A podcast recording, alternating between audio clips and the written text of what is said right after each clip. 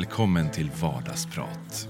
Idag sitter vi på fyren i Norrsunde och mitt emot mig har jag Christian Ekenberg, journalist och kulturredaktör på Gävle Dagblad. Jag vill bland annat prata med honom om konstnärlig kvalitet, hur kulturlivet mår just nu och tar gärna reda på hur hans bildningsresa har sett ut.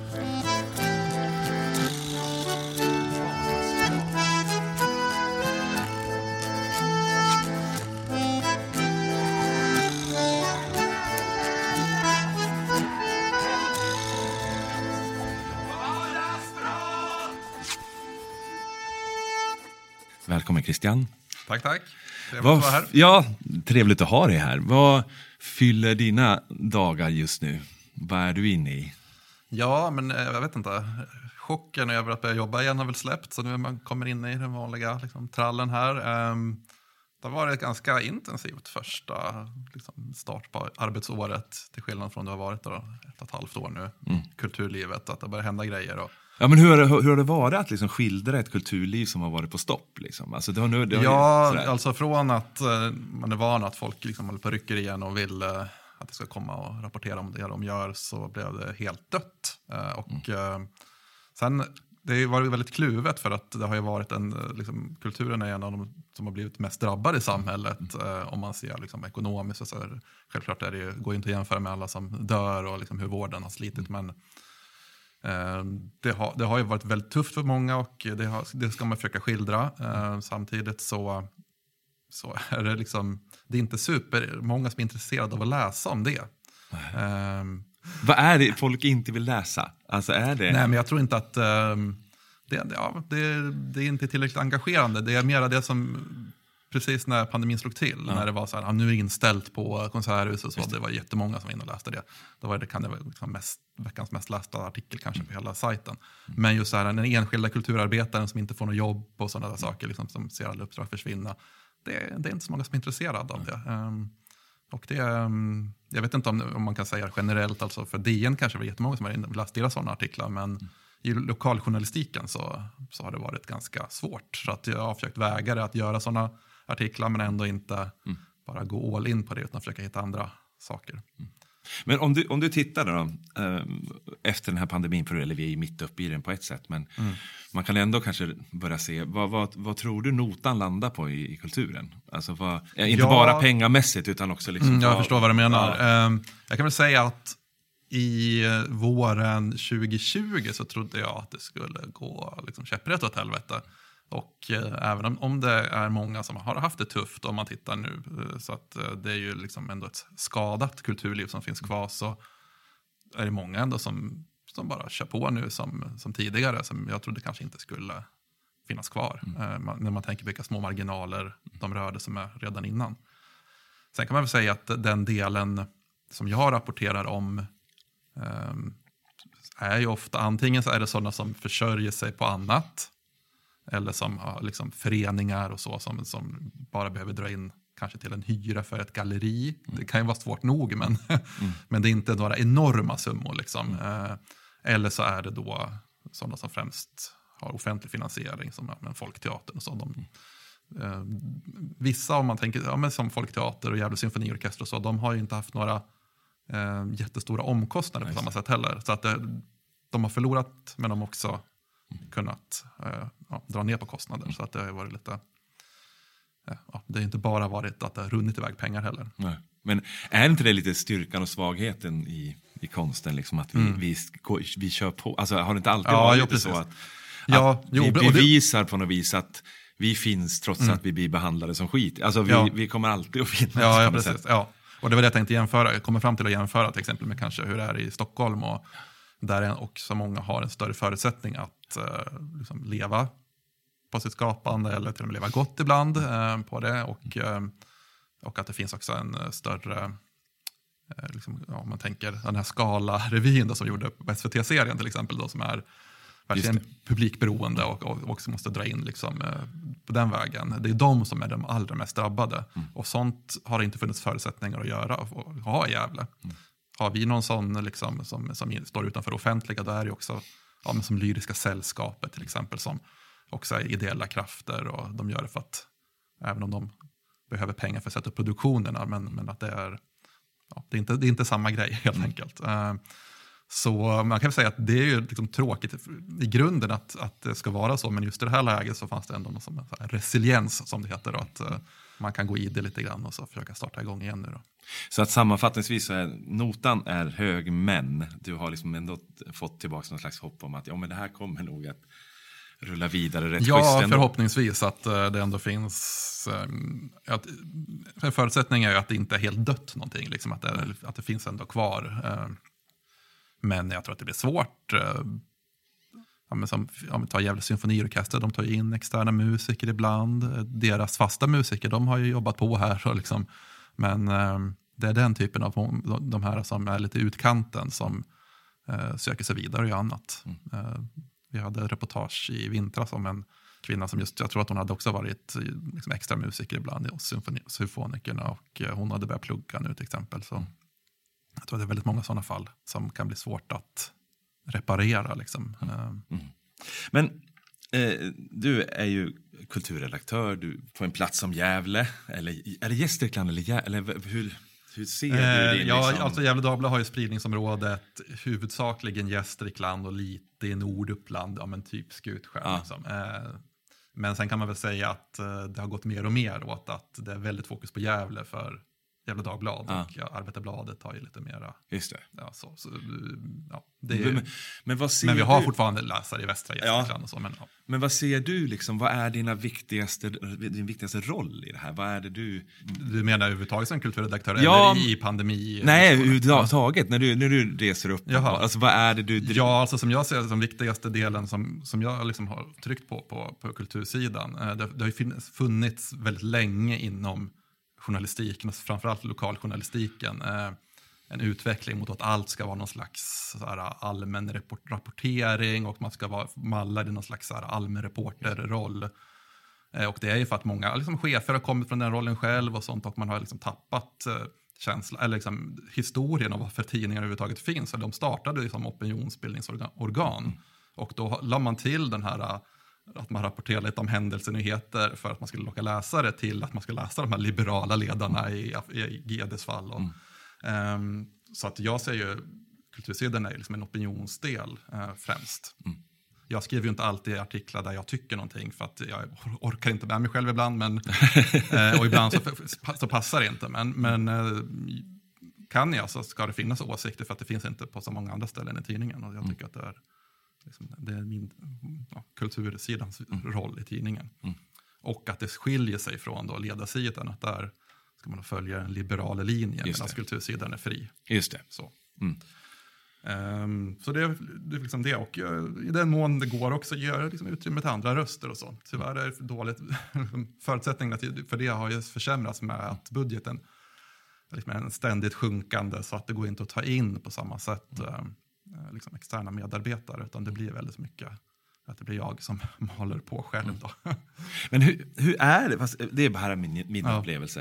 Eh, men min känsla är liksom att hela medieklimatet blir bara bullrigare och bullrigare och det blir bara eh, s- s- alltså större och större feta ord som bara... s- Ja, det, eh, vad var det Shakespeare sa det här med eh, de bullrar och strider? Nej, jag kommer inte ihåg vad det var nu. Men, alltså att, Ja.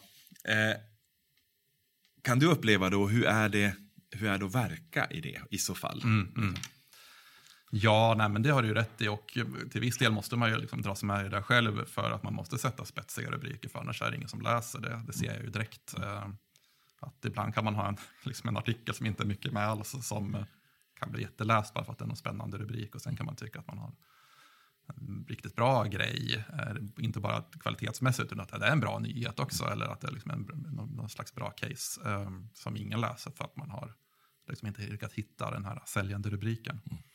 Men sen så känner väl jag att jag är glad att jag eh, har liksom mitt jobb här och slipper vara, kan verkligen känna med de som är frilansskribenter och ska liksom konkurrera på liksom den riksmarknaden och liksom vara ute och härja om aktuella frågor. Eh, jag undrar, liksom jag, ja, jag, vill, jag vill inte vara en av dem om man säger så. Eh, det, det, verkar ganska jobbigt. Men vem är hönan och ägget här? Alltså att, för tidningarna säger liksom att ja, men vi måste bullra, mm. för annars kommer ingen att... alltså att samtidigt som jag kan bli så provocerad av liksom att, att, att man inte försöker. Mm. Alltså att man, inte, att man ja. inte har den stoltheten att ändå försöka mm. göra någonting annat. Mm. Alltså, mm.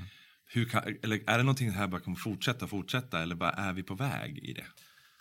Jag tror inte att, bara, att det inte bara fortsätter och fortsätter. För att om man, om man bara går några tillbaka, år tillbaka ändå, eh, så var det ju värre om man tänker, alltså inte kanske opinionsjournalistiken, men jo den också, men, men framförallt i nyhetsjournalistiken, att det var väldigt så här, klickrubriker mm. och sånt. Och, eh, men nu är ju kampen för att överleva på reklampengar har ju man gett upp, utan nu är det prenumerationer man går in för. Mm. Och då har ju det automatiskt förändrats vilket tilltal, mm. tilltalet är. Mm.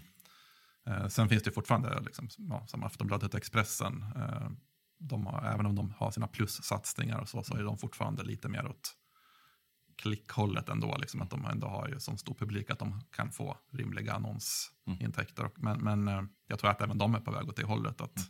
Att man söker en liksom, prenumererad publik då, och då blir det ju det blir inte samma tilltal. Just det. Jag minns första gången, eh, eller första det vet jag inte, men jag kanske var runt 17, 18 eller någonting. Började bli intresserad av politik och kultur och sådär.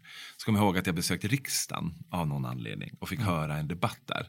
Och jag var helt uppfylld efteråt. För jag, tyckte helt, alltså jag, jag tyckte det var en fantastisk debatt. Det, det var, liksom var bred och den var saklig och den var intressant och sådär. Och efteråt så ville jag lite media självklart och se vad skriver man om det här. Mm. Liksom. Mm.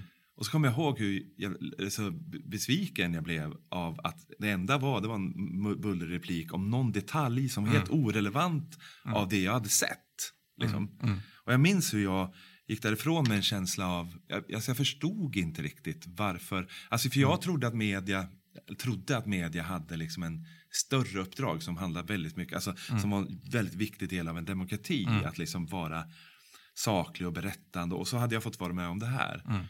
Pratar man mycket om det här inom media och försöker man, eller är det någonting som bara rullar vid? Alltså, Ja, eh, om vi tar det till lokalplanet då, så är det istället för riksdagen så är det kommunfullmäktige. Ja, och om man säger att eh, för kommunfullmäktige är det ännu svårare att skapa intresse för om man ska bara gå och göra ett referat som man gjorde tidigare. Mm. Det, det, tyvärr, det är ingen som läser. Um, sen kan man göra ändå som SVT gör, att man sänder bara livesändning från riksdagen om den debatt och så. Mm. Och det är ju någon slags public service då, för, och det är ganska fåtal ändå som är intresserade av att gå in och titta på det. Mm. Det kan ju vara antingen så är man väldigt samhällsintresserad eller så är man just intresserad av den debatten och har liksom brinner hårt för den frågan. Men, men det, det, är ingen kommersiell aspekt i det. Eh, men eh, vi har ju reportrar som går på fullmäktige liksom nästan alltid. Och, men man kanske bevakar en viss fråga där man ser på förväg att ja, men det här är en het fråga. Och, så. Mm. och har man någon gång suttit, suttit med en fullmäktige så vet man ju också att det är ju, mycket är ju inte så jätteintressant av det som tas upp heller, utan det kan ju vara liksom rutinärenden och sådär. Så att, eh, mm. Men det är klart att visst, visst kan, kan det liksom hårdvinklas ibland och så. Men jag tycker ändå att informationen kommer ut som, mm. om, om de viktiga frågorna. Mm. Eh, I alla fall på lokalplanet. För att mm. Det är ju inte så jättespexiga frågor jämt det handlar om heller. Utan eh, i riksdagen kanske är ännu större risk att det blir bara fokus på någon slags konflikt. Mm. Det som är liksom någon slags samma mellan kultur och journalistik just nu, eller tidningar, traditionella tidningarna, det är väl att, de, att vi hela tiden får höra att jo, men snart så finns vi inte mer. Alltså, mm. Kulturen kommer att, mm. som vi känner den, ja eh, den professionella kulturen kommer liksom att, att, försvinna. Och lika också den traditionella media pratar man om samma sak, att vi är på väg. Mm. Vad känner du inför den liksom, dystopin? Är det någonting som du också går och bär med dig? För du har ju ja, fötterna i båda. ja, ja, precis. Ja. ja, men det är klart att eh, man kan avundas de som var verksamma liksom, på uppgångsåren. Eh, samtidigt så har det nästan varit så här under hela liksom, det yrkesliv jag har haft hittills. Så att det, det, man är så van med det. Ja. Och eh, det företag som jag jobbar för var, hade en väldig kris för ja, men två, tre år sedan. Mm. Eh, som, sen blev vi liksom upp, uppköpta nu. Så att just nu så är det positiva tongångar att det går bättre. Mm. Och eh, liksom att den här modellen som de jobbar med liksom, ja, börjar fungera. Mm. Men ja, det återstår väl att se vad som kommer hända. Men det, har, det har känts mörkare, det har det gjort. Men mm. Eh, det, samtidigt ibland så jag liksom när, när folk har pratat om det här med mig så kan jag tänka om man hade jobbat så här på 80-talet. Och man sett, ja, nu, nu, ja, nu sitter jag här som på min fasta tjänst på en tidning, ska vara kvar här hela livet nu. Och så Just. Jag har aldrig liksom haft de tankarna för Nej. att jag känner, ja men får se om det går ett år till liksom. Mm. Ehm, Just det. ja. sen, sen, sen kanske det blir att man sitter där bara för att man tänker så här, om det tar ett år till. Och så. Ja. Mm. Ja, jag vet inte, man, det, det går inte att hålla på och gräva ner sig så mycket i det där i vardagen heller. Nej. Det som det kan göra i, i bästa fall är att man, eh, att man ändå eh, taggar till och eh, försöker bli bättre och så därför att eh, många blickar tillbaka och bara åh allt var så bra på liksom, när det var stora redaktioner och sådär men jag kan ju häpna ibland över dag hur mycket vi kan göra om man, om man, bara tittar på utöver på den tiden man kunde sitta på redaktionen, hur få som sitter där jämfört med bara när jag började här, liksom kom till Gävle för ja, vad är det, 13-14 år sedan. Det var bara då fanns det jättemycket folk. Eh, och, och de som jobbade då tyckte att ah, det, liksom, det rekryteras inte nytt. Utan de, eh, men eh, det, det går att göra, liksom, ja, man, man, måste bli bättre och eh, jag, jag tycker jag är väldigt imponerad av alla kollegor som liksom kämpar och Som står i. Ja, vin av vatten. Särskilt när det blir sådana här stora nedsändelse nu som eh, med en översvämning. Just det. Där, eh, att eh, då går ju alla igång verkligen och Mm. eh, liksom väldigt imponerande rapportering. Ja, det blir man. Alltså, Mm. Jag håller med. En, en sak som... Jag vill bli kvar i din roll en stund Ja. till. Eh, en sak som har fascinerat mig. Jag är ju regissör som ett av mina yrken. Liksom. Mm. Men jag har alltid funderat kring alltså, vad är konstnärlig kvalitet. Mm. Och jag har pratat med massor av människor om Ja. det och försökt få svaret. Mm. För att det är någonstans... Eh, det finns, för jag har alltid känt så här att men det finns en klick av människor som äger ett slags kvalitetsbegrepp. Mm. Och så förhåller man sig till det. Och sen kan inte jag riktigt få tag på vad egentligen det innehåller. Alltså vad utgår Mm. man ifrån och, och sådär. Eh, och därför, ja, jag, jag börjar med det. Alltså Ja. för dig. Ja, vad som är, vad som är kvalitet. Ja, för du, du bedömer ju ändå konst. Ja, och du bedömer ju, alltså, är det mest litteratur eller är det också... Eh, nej, det är, väl, alltså, det är ju det mesta nu för tiden. Eh, när jag började en gång i tiden så var det väl mer, man säga, filmrecensioner och, och bo, bokrecensioner och så. Och Men sen, eh, det går, idag om man jobbar på en liksom, dagstidning, eh, lokaltidning, så då får man ju gå och skriva om Allt. om allt. Ja. Ja. precis. Men sen, ja, klassisk musik är väl då det jag försöker undvika. Liksom. Jag, Ja. Det blir lite mer ett referat om jag skriver om det. Liksom. Ja. Men, men jag har ju fått lära mig liksom, dans och sådär. Ja. Och nu har jag sett så mycket så nu tycker jag att jag kan göra bra bedömningar också av det. Ja. Eh, men, alltså, kvalitetsfrågan, jag eh, kan väl säga att jag har börjat gått tillbaks mer till, till basic där. Liksom, att, eh, jag kände ett tag att jag höll på att sugas med i den här, för mycket i, jag vet inte hur man ska uttrycka det, men någon slags sånt som går hem i eh, den här kulturprofilens källare, lite grann den synen på kulturen. Medan jag eh, nu så eh, har jag anammat eh, vad heter han? Nils Schwartz, Expressens gamla kritiker Nestor som när han recenserade teater. Han tyckte att sittfläsket måste få säga sitt. Liksom. Att, eh, börjar man känna av att oh, nu sitter jag obekvämt här, då, är det inte, då, då är det någonting som är fel. Ja. För är det en riktigt bra föreställning, då liksom glömmer man bort sånt. Mm. Är det som att det, du får en magkänsla Ja. och sen måste magkänslan sen prata självklart med intellektet också som, och fråga varför. Ja, ja, det är klart att det måste finnas, eh, eh, ja men det är väl en bra beskrivning där, det måste finnas en dialog mellan de två, men jag tycker Ja. att intellektet tar tar för mycket plats för många, för, inom för många i kulturvärlden. Eh, om vi tar nu den senaste kritikerdebatten om den här debutromanen Trion. Mm. Eh, så eh, jag eh, blev ju dessutom ut, eh, utpekad i Aftonbladet när de liksom sågade kritikerna. Men jag var faktiskt en av de som var mest positiva till den där romanen. Eh, och jag tycker att för många liksom bortser från att det som jag tyckte om med den, eller liksom att jag, jag läste nästan den under en dag för att jag kunde inte sluta. Liksom. Och det, det, den kvaliteten nedvärderas för mycket idag av, av liksom, det man brukar kalla finkulturen. Ja. Då, så där, liksom. Så- jag har väl gått mer tillbaka till det liksom, som en gång gjorde att man blev intresserad. Liksom, det här eh, engagemanget. Och, eh, men eh, jag vet inte om jag kan ge något svar på vad som är liksom, konstnärlig kvalitet. Nej, men är det liksom- ja, jag skulle vilja säga att det är ja, Ja, men, ja, men jag, jag tycker det var jättefint. Alltså Ja. att, att det är ett slags, att du utgår, alltså, utgår från någon slags magkänsla. Att det här känns, ja. Ja. men du får ont i baken helt enkelt. Mm, och mm. då måste det betyda något. Och Ja. så börjar en dialog, varför känner jag så? Ja. Och sen börjar du liksom hitta, men kanske det är det. Ja. Det kanske är Ja, precis. rytmen, det kanske Ja. är det. Ja. Ja. vad det nu kan vara. Men, Men- men, men, sen då, liksom, om, man, man, om man har liksom, jobbat som liksom, kritiker i många år också, man måste ju, särskilt om man skriver om det mesta, så där, att det går liksom inte att vara, fokusera på, eh, liksom, på DN, att man har då, liksom, att någon bara recenserar vet jag, så här, historiska böcker. Liksom. Eh, man måste ju också ha någon, liksom, kunskap om sig själv, att jag vet ju vad jag hade föredragit om jag bara läser för privat bruk. Liksom, och så, där. så att ibland så får man ju väga in det, liksom, att man kanske känner att ja, men det här är inte någonting som kanske ligger mig närmast om hjärtat, men jag kan ändå göra någon slags bedömning av det för att jag har läst si och så många andra böcker i den genren. Och så där. Just det. Ja. En, en, för att jag pratade med Lars Ring, hette han va? Han, Ja. Eller på Svenska, Svenska Dagbladet. Nej, Ja, han är väldigt bra. Ja, han är fantastisk. Jag, tyckte, jag älskade, när jag jobbade på Riksteatern så älskade vi honom allihop för att han skrev. Det är väl lite hans problem Så- också skulle jag vilja säga. Ja, han, kanske- han skriver väldigt bra, men han är kanske lite för insyltad Ja, i jo, teatervärlden. så är det väl också. Men jag pratade med honom om, om det här. Och han sa att jag kommer aldrig att skriva en recension om jag inte förstår sammanhanget. Alltså att, och därför lägger jag en otroligt lång, lång tid Ja. för att ta reda på sammanhanget. Alltså om jag besöker en amatörteater här i Norrsundet till exempel. Eller om jag är på Dramaten så är Ja. det självklart två helt olika. Och då måste man kanske också byta. Ja. Sådär. Vad tänker du om det? Alltså om, om sammanhangets ja, vikt? Ja, jag förstår ju vad han menar med det. Sen ska jag säga att det är, ju, det är många som har väldigt eh, helt orealistiska bilder av en kritiker, hur en, man kan jobba som kritiker idag. Ja.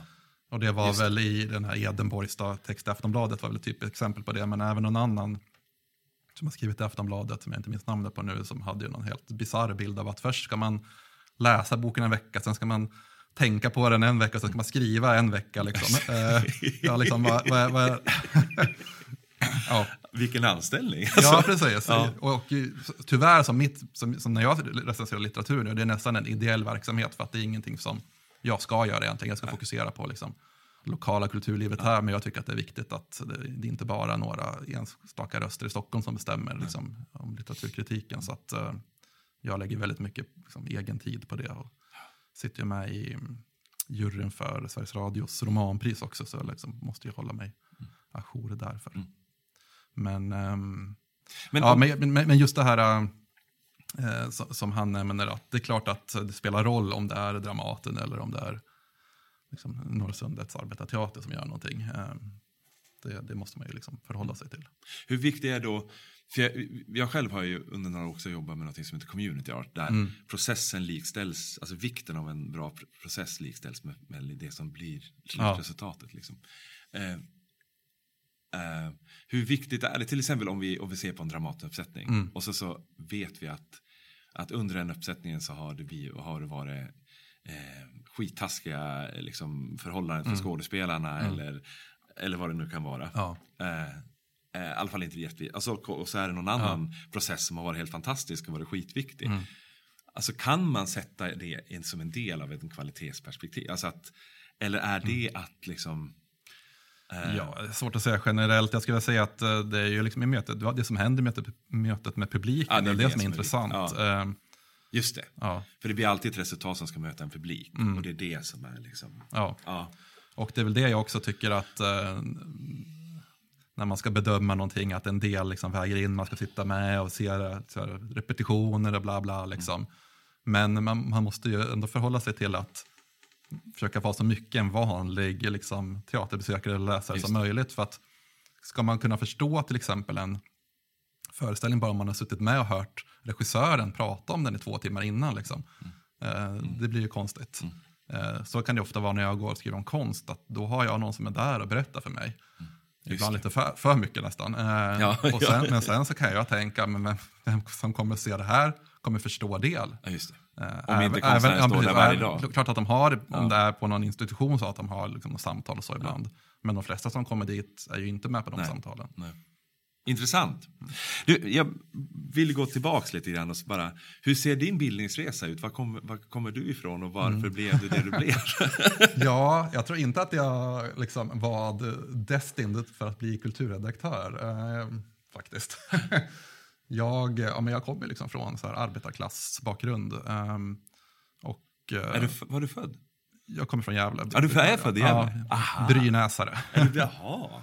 Ehm, och, eh, men ja, sen jag var barn då så har jag ja, varit liksom intresserad av att läsa. Och mamma läste mycket för mig. Och, ja, typiskt så här pluggig häst i skolan också av intresse. Liksom, sådär, att, eh, när man fick historieboken så hade, jag tyckte det var så spännande där på lågstadiet. Jag gick hem och läste den från pärm till pärm. Liksom, ja, häftiga bilder och liksom sådär. Ehm, och, eh, men jag vet inte när jag började tänka att det skulle kunna bli ett jobb. Jag har väl alltid känt också att, att den här manliga världen, jag fick följa med till pappas jobb, han, bodde, han jobbade mitt över gatan bara och så här på, var svetsare på, där på en industri. Ehm, så kände jag mig skrämd av den. Jag tyckte att det här var ingenting för mig. Liksom. Ehm, det här vill inte jag göra.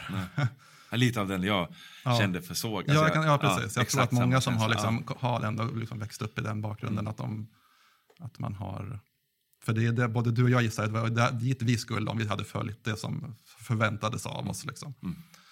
Ehm, men jag tänkte väl mer att, ehm, att man ja, kanske skulle bli lärare, liksom, eller åt det hållet. Så därför att det har ändå också varit, om man kommer från den bakgrunden, är det också viktigt det här med försörjningen. Att man ska, Oh, ja. man, om man kommer från övre medelklassen, då, då har man någon trygghet som man inte har. Utan då är det, först ska man ha sin försörjning, sen så kan man liksom utveckla sig. När man liksom, Det var väl, vad heter han, Christian Lundberg heter han så? Ja, just. Ja. Han pratar ju om det här att, att alltid vara rädd för att det ska bli tomt i kylskåpet. Liksom. Mm, Det spelar ingen roll om man går bra just nu, Ja, just men man är ändå lite rädd för att det där kylskåpet kan bli tomt. ja, det. Ja. För att man har på något vis Ja, känt precis. den Ja, rädslan för en ja, barn. Liksom. Men jag skulle vilja säga, jag vet inte, jag, det, det har bottnar dels i ett genuint intresse, men också när jag, ändå när jag kom upp i så tonåring sen också, så, så blev jag ändå, jag förstod att, att det var något man behövde erövra lite grann. Och saker som jag kanske inte var så intresserad av, att jag borde skaffa mig kunskap om det. Ja, men som den klassiska musiken, att jag då, när de öppnade musikbiblioteket till exempel, att jag, liksom, att jag gick dit och lånade vad som är skivor, och skulle liksom erövra den här världen. Så. Sen har det liksom vissa delar som jag har släppt och andra som jag liksom ändå har fortsatt med. Men det var ju också liksom som ett, vad ska säga, 70% lust och 30 också ett arbete som man liksom, eh, behövde göra. Liksom ett Men- bildningsarbete. Så. Fanns det något problematiskt för dig i det? Mm, alltså att, eh, nej men jag vet eh, Joakim Stensell som jobbar på Folkteatern, Ja. eh, som tyvärr gick bort alldeles för tidigt. Mm. Eh, han och jag satt en gång och pratade om det här och vi, vi grät till och med för att Mm. vi kände oss, eh, alltså att vi hade ingenting gratis. Vi fick, Mm. Jag, jag hade inga böcker i mitt liv förrän jag blev 18 och han kände samma sak. Och det var som att båda två hade liksom försökt komma ikapp någonting som vi kände att alla andra hade gratis som höll på med det här. Mm. Ja. Har du känt liksom samma panik eller var det bara en lust som liksom bara fortsatte? Ja, nej, men det kan jag definitivt identifiera mig med. Att, eh, att man kommer in i sammanhang som, där man känner, liksom, sär- särskilt när jag var yngre, eh, bara började på Journalisthögskolan så, så kändes det som att det här är lite andra människor än, vad jag, vad, än vad jag var liksom då. Eh, inte alla, men de flesta var ju liksom ändå, kanske då den här som vi pratade om nyss, den stabila, Ja. trygga medelklassen som ja, ja, liksom, eh, jag chansar att bli, gå in på den här utbildningen för det vad det jag ger. Liksom, sådär. Ehm, men ehm, ja, till, till slut, man kommer in till någon punkt ändå när man måste acceptera att, eller liksom få inse att man inte fortfarande är den där eh, som man en gång var. Nej, utan det är löjligt nu om jag skulle sitta som kulturredaktör liksom, på en ganska stor dagstidning och försöka ha någon underdog-roll. Ja. Liksom. Ja, jag förstår. Men, men just i klass, om man pratar i klass, så är man ju, allt, man är ju på något sätt alltid antingen den klass man kommer ifrån eller att man är en klassresenär. Om jag själv hade, jag har inte barn, men om jag hade det, då hade ju de varit verkligen så här supermedelklass. Så man kan inte vara mer medelklass än liksom barn till någon så här, liksom, kulturredaktör. Så. Men jag själv så identifierar mig mer som någon slags ja, klassresenär och känner mig, liksom, inte känner mig hemma riktigt i Nej. de sammanhangen. Och, Jag bara, får jag stanna lite där? Mm. Du pratar om underdog-perspektiv och sådär. Är det, det är det ett problem i dagens samhälle att nästan alla tar ett underdog-perspektiv? Ja, Alltså det kan, det kan bli ganska löjligt ibland. Eller hur? Och, Ett slags jag, jag, jag är ju alltså- inte immun mot det själv heller. Men Nej, ibland- nej, nej, inte jag heller. Jag gör det hela tiden. Men, Ja. Och jag försöker lära mig att hur ser min makt ut? Mm. Alltså, ibland kan jag ha varit i rum där jag trott att jag var underdog. Mm. Och så har jag fått reda på sen att alla var skitnervösa för att jag klev in i rummet. Och så Ja. hade jag en helt annan makt än jag förstod själv. Ja. Och att erövra den kunskapen måste ju vara skitviktig. Att veta Ja. vad har jag för makt i, vilka, ja, i olika positioner. Mm, ja, precis. Ja, och det, det är ju väldigt lätt. Jag tror att alltså, om man har vår bakgrund så kan man ju ofta tänka på det sättet. Att, eh, ja, liksom att, man, att man underskattar på något sätt sin egen, liksom, ja, vilken betydelse man har. Och liksom sådär. Vad driver din... Har du fortfarande sån här lust till bildning? Är, du- är, är du i en ständig bildningsresa? Eller är det liksom... Ja, men det eller skulle jag vilja säga. dig? ja, liksom, det skulle jag vilja säga. Ja. Liksom, eh, förutom då att jag, ja, men alltså, att jag läser väldigt mycket fortfarande, så det har ju liksom dels med att göra med att, att det är enda sättet för att vi ska kunna, fortfarande kunna ha någon litteraturkritik i tidningen som jag brinner för att det ska finnas kvar och jag känner väl också att jag gör någon slags insats då som jag nämnde med att det inte bara ska vara ett fåtal storstadskritiker som, Ja. Som är verksamma. Men eh, ja, jag, jag vet inte, om inte jag har läst en timme en dag, då känner jag liksom att ja, det är någonting som, liksom, som jagar mig då lite grann. Sådär, att, eh, Är det något positivt som jagar dig då? eller både och. det- är ja. klart att det finns en lust, annars skulle jag nog inte Nej. göra det med, i grunden. Men jag, det är också, jag tror inte att jag hade liksom, på något sätt slagit mig loss från min bakgrund om jag inte hade haft det här liksom, ändå någon slags ambition, någon slags någon driv. Liksom, och så. Det, är klart att det finns med fortfarande också. Att, ja, det är något, man, man, jag, jag mår lite dåligt om jag inte känner att jag har gjort mitt liksom, den dagen. Så. Och du känner dig inte gammal och passé? Ja, det kan man väl göra lite till och från. Så här. Det, det är en ganska ny känsla faktiskt, Ja. man börjar komma. Liksom. Utveckla det, för jag är ju tio år äldre än dig. Ja. Så när jag läste det här Ja. Mm. så fick jag också en sån här, men shit, alltså, jag, man, ja, det är ju en otroligt Jag kanske jag intressant- ska referera, alltså det var en krönika jag skrev där om eh, att jag hade fyllt 40 nu och jag hade precis läst om ja, Stefan Zweig hade om, om världen av igår och liksom hur, hur det var då i, i Wien vid sekelskiftet. Att, eh, att, då var det, man, att vara ung det var något pinsamt, man skulle helst vara liksom en 50-årig gubbe. Liksom, då var man, Då var man då var någon. man the Ja. shit. Ehm, nej, men det var, ju- alltså, det var ju lite så här med, med skämtsam ton där. Ja, eftersom eftersom det, det var det jag liksom skulle ta fram, att det är så absurt att man i arbetslivet idag kan ses som passé när man är 40. Mm. Eh, men eh, det hindrar ju inte för att man kan känna det ibland. Liksom. Nej. Eh, Och det är en chock. Jag, kommer Ja. ihåg, jag vet inte om det var du som skrev eller om det var någon annan. Men det var någon där jävla i alla fall när jag flyttade hem och så hade jag gjort någonting. Och så skrev, skrev någon den rutinerade regissören. Mm, eller ja, just ja. Och jag fick så här, vem är det här? Ja. Så jag kunde inte Ja, ens. Jag kunde, alltså, det, det- Mm. är, li- det är intressant för att det här med arbetsliv, alltså det är inte förrän nu jag börjar känna att jag på riktigt kan landa i mina roller. Att jag Nej. Mm. på riktigt kan känna att men fan, nu börjar jag kunna det här. Ett, eller jag kan, det kan man ju Ja. aldrig i ett hantverk. Men, Ja. men att jag kan tillräckligt mycket för att jag kan vara så trygg så att jag kan ha mina ögon fullständigt öppna. Mm. ja. Och, sådär. och då känns det så synd om man skulle vara. Alltså. Jo, precis. Ja, men sen beror det lite grann, alltså jag, jag har väl inte egentligen alltid bara med åldern att göra också, Nej. utan lite hur man är person och i, i vilket sammanhang man verkar. Jag såg precis häromdagen eh, en, en film på Netflix, vad heter den? Late Night, med Emma Thompson spelar någon så här, typ David Letterman programledare som, eh, och som fick då beskedet att hennes show skulle läggas ner, att hon ansågs passé. Och jag kände lite identifikation med henne just för hennes sätt att vara, just det här att hon, hon föraktade det här lite mer ytligare och hon hade svårt med yngre medarbetare som var väldigt känsliga för hennes kommentarer och så. Och så kan jag verkligen känna att, att man tillhör en annan generation än, än de här då, som brukar kallas snöflingor på, Ja, ja. på, på Twitter. Liksom. Ja. Ehm, att man inte får liksom höja rösten till folk och sådär. Liksom. Ehm, så på så sätt så kan man känna sig gammal och då är det mer kanske så olika generationsfrågor än en viss ålder. Jag har ju alltid varit väldigt gubbig av mig. Liksom. Redan när jag var liksom 18 så var jag liksom en, en gubbe i vardagen liksom, med, med just det, liksom, så här, bildningsintresset och, liksom, Ja, och sådär. Och liksom inte, ja. Ja, det, eh, du eh, skickade ut till några stycken här i, i Gästrikland där, där du frågade liksom, ja, men vad, vad önskar ni av kulturlivet i Gästrikland just nu?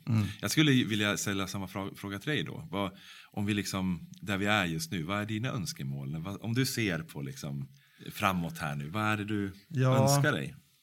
Jag önskar mig att eh, av det som är realistiskt, så skulle jag väl, eller liksom, det som en farhåga jag har är väl att, att man ska fortsätta ta den här ursäkten som har funnits nu, att inte göra någonting. Alltså jag tänker från det offentligas håll, liksom sådär, att man ska liksom, på samma sätt som regeringen verkar vilja hålla i liksom, lite för säkerhets skull, så pandemier, liksom, restriktioner, så att, att man ska skylla på ja, vi har ett begränsat, vi drar ner nu på vad vi har för utbud för att vi, det går ändå inte att liksom fylla alla salonger och sådär. Att det, det, det tänket. eh, Det har ju varit väldigt praktiskt för kommuner som ska bara spara pengar och sådär och kunna ha en ursäkt och säga nej men nu har vi dragit ner på budgeten i år. Liksom. Eh, Sen kan jag väl känna också... Då är det en önskan att, att det är en, en startknapp.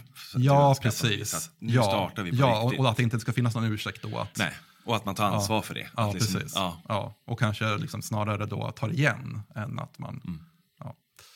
Sen är det väl någonting som, eh, som man kan säga att det här, eh, om man kan hoppas att människor som, som ändå vill att det ska finnas ett lokalt kulturliv men som kanske är lite bekväma, att man känner att även fast man är trött i slutet av arbetsveckan, att man ändå till exempel nu går och tittar på någonting där, liksom, när de Just ställer det. ut konst i Esplanaden och så. Jag har ju förmånen att kunna göra mycket sånt på arbetstid, men jag kan ju känna själv dåligt samvete ibland att jag är väldigt bekväm och liksom blir allt mer bekväm med åren. Sådär. Eh, Ja, men lite som Mm. Min pappa var. Han såg det som en plikt att gå Ja. till, till fyren. Ja. Och sen tyckte han det var kul när han väl var där. Mm, mm. Men valet var ändå en slags också plikt. Alltså en Ja, precis. Och jag tror att det fanns med tidigare, att, Ja. eh, att det fanns då en grupp av människor som, eh, som kanske inte var intresserade av allt som de var och såg liksom, på Gävle Teater och sådär till exempel, men att man ändå gick iväg på några liksom, föreställningar per år för att, eh, för att det skulle finnas kvar sådana den här som de var jätteintresserade av, att den ändå också skulle komma. Det. Liksom. Och det är väl den här den bildade borgerligheten, känns fel att prata om det på ABF här, men eh, den kan jag säga att den är, den är på väg bort. Eh, Utveckla det. Ja, men den, den typen av människor som, Som eh, liksom... som, hade, som hade gått eh, en utbildning, som kanske jobbade, att de kanske inte jobbade med liksom någon slags humanistiska eh, yrken, utan att de kanske jobbade, de kanske var vd på ett företag, Mm. så där, men att man ändå hade den här, eh, ja, man tillhörde en, en grupp som man, man gick på teatern och man köpte konst på gallerier och så. Jag minns när jag pratade med en man som hade ett galleri i Hofors som han har lagt ner nu, men han sa att när han började, då kom det, ved, då kom det chefer från Ovako där och, och köpte konst.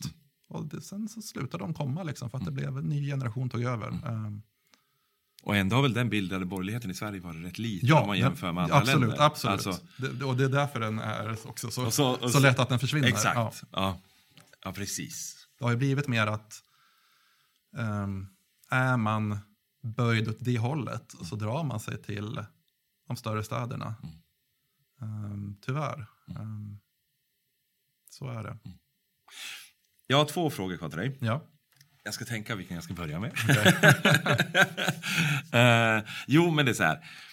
Jag tar den här först. Eh, vilken bildningsresa just nu som du är i tycker du är mest viktig och härlig? Men, eh, alltså, precis Ja. just nu som du är liksom på väg någonstans.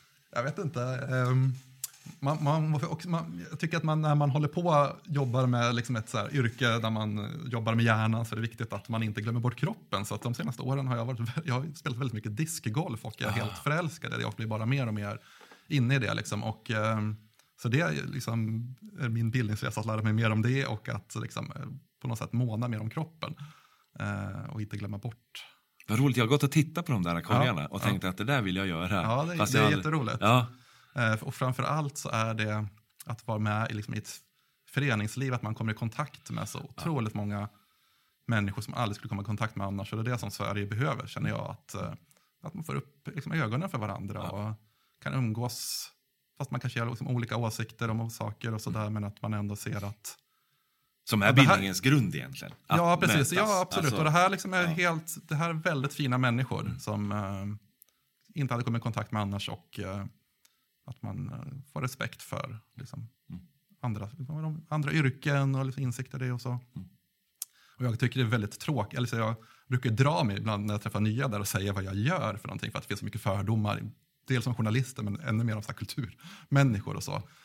Eh, Men eh, nu har jag märkt att jag drar mig av en annan anledning. För jag har märkt att jag inte fått några sådana så negativa reaktioner. Däremot så när jag säger att ja, jag jobbar på G, eller de säger att de har sett mig. Liksom, de, att, och så frågar jag vad gör du då? Och kanske de säger ja, jag bara jobbar på bla bla. Liksom. Och jag känner får så ont i hjärtat för att just det här, det här ba, bara, liksom, som att det inte skulle vara fint nog att vara liksom, rörmokare. Ja. Eller vad det är jag liksom, Och jag känner nästan samma, fast tvärtom. att jag kan känna att jag, liksom, jag inte kan någonting som så praktiska grejer och sådär, jättedålig på det.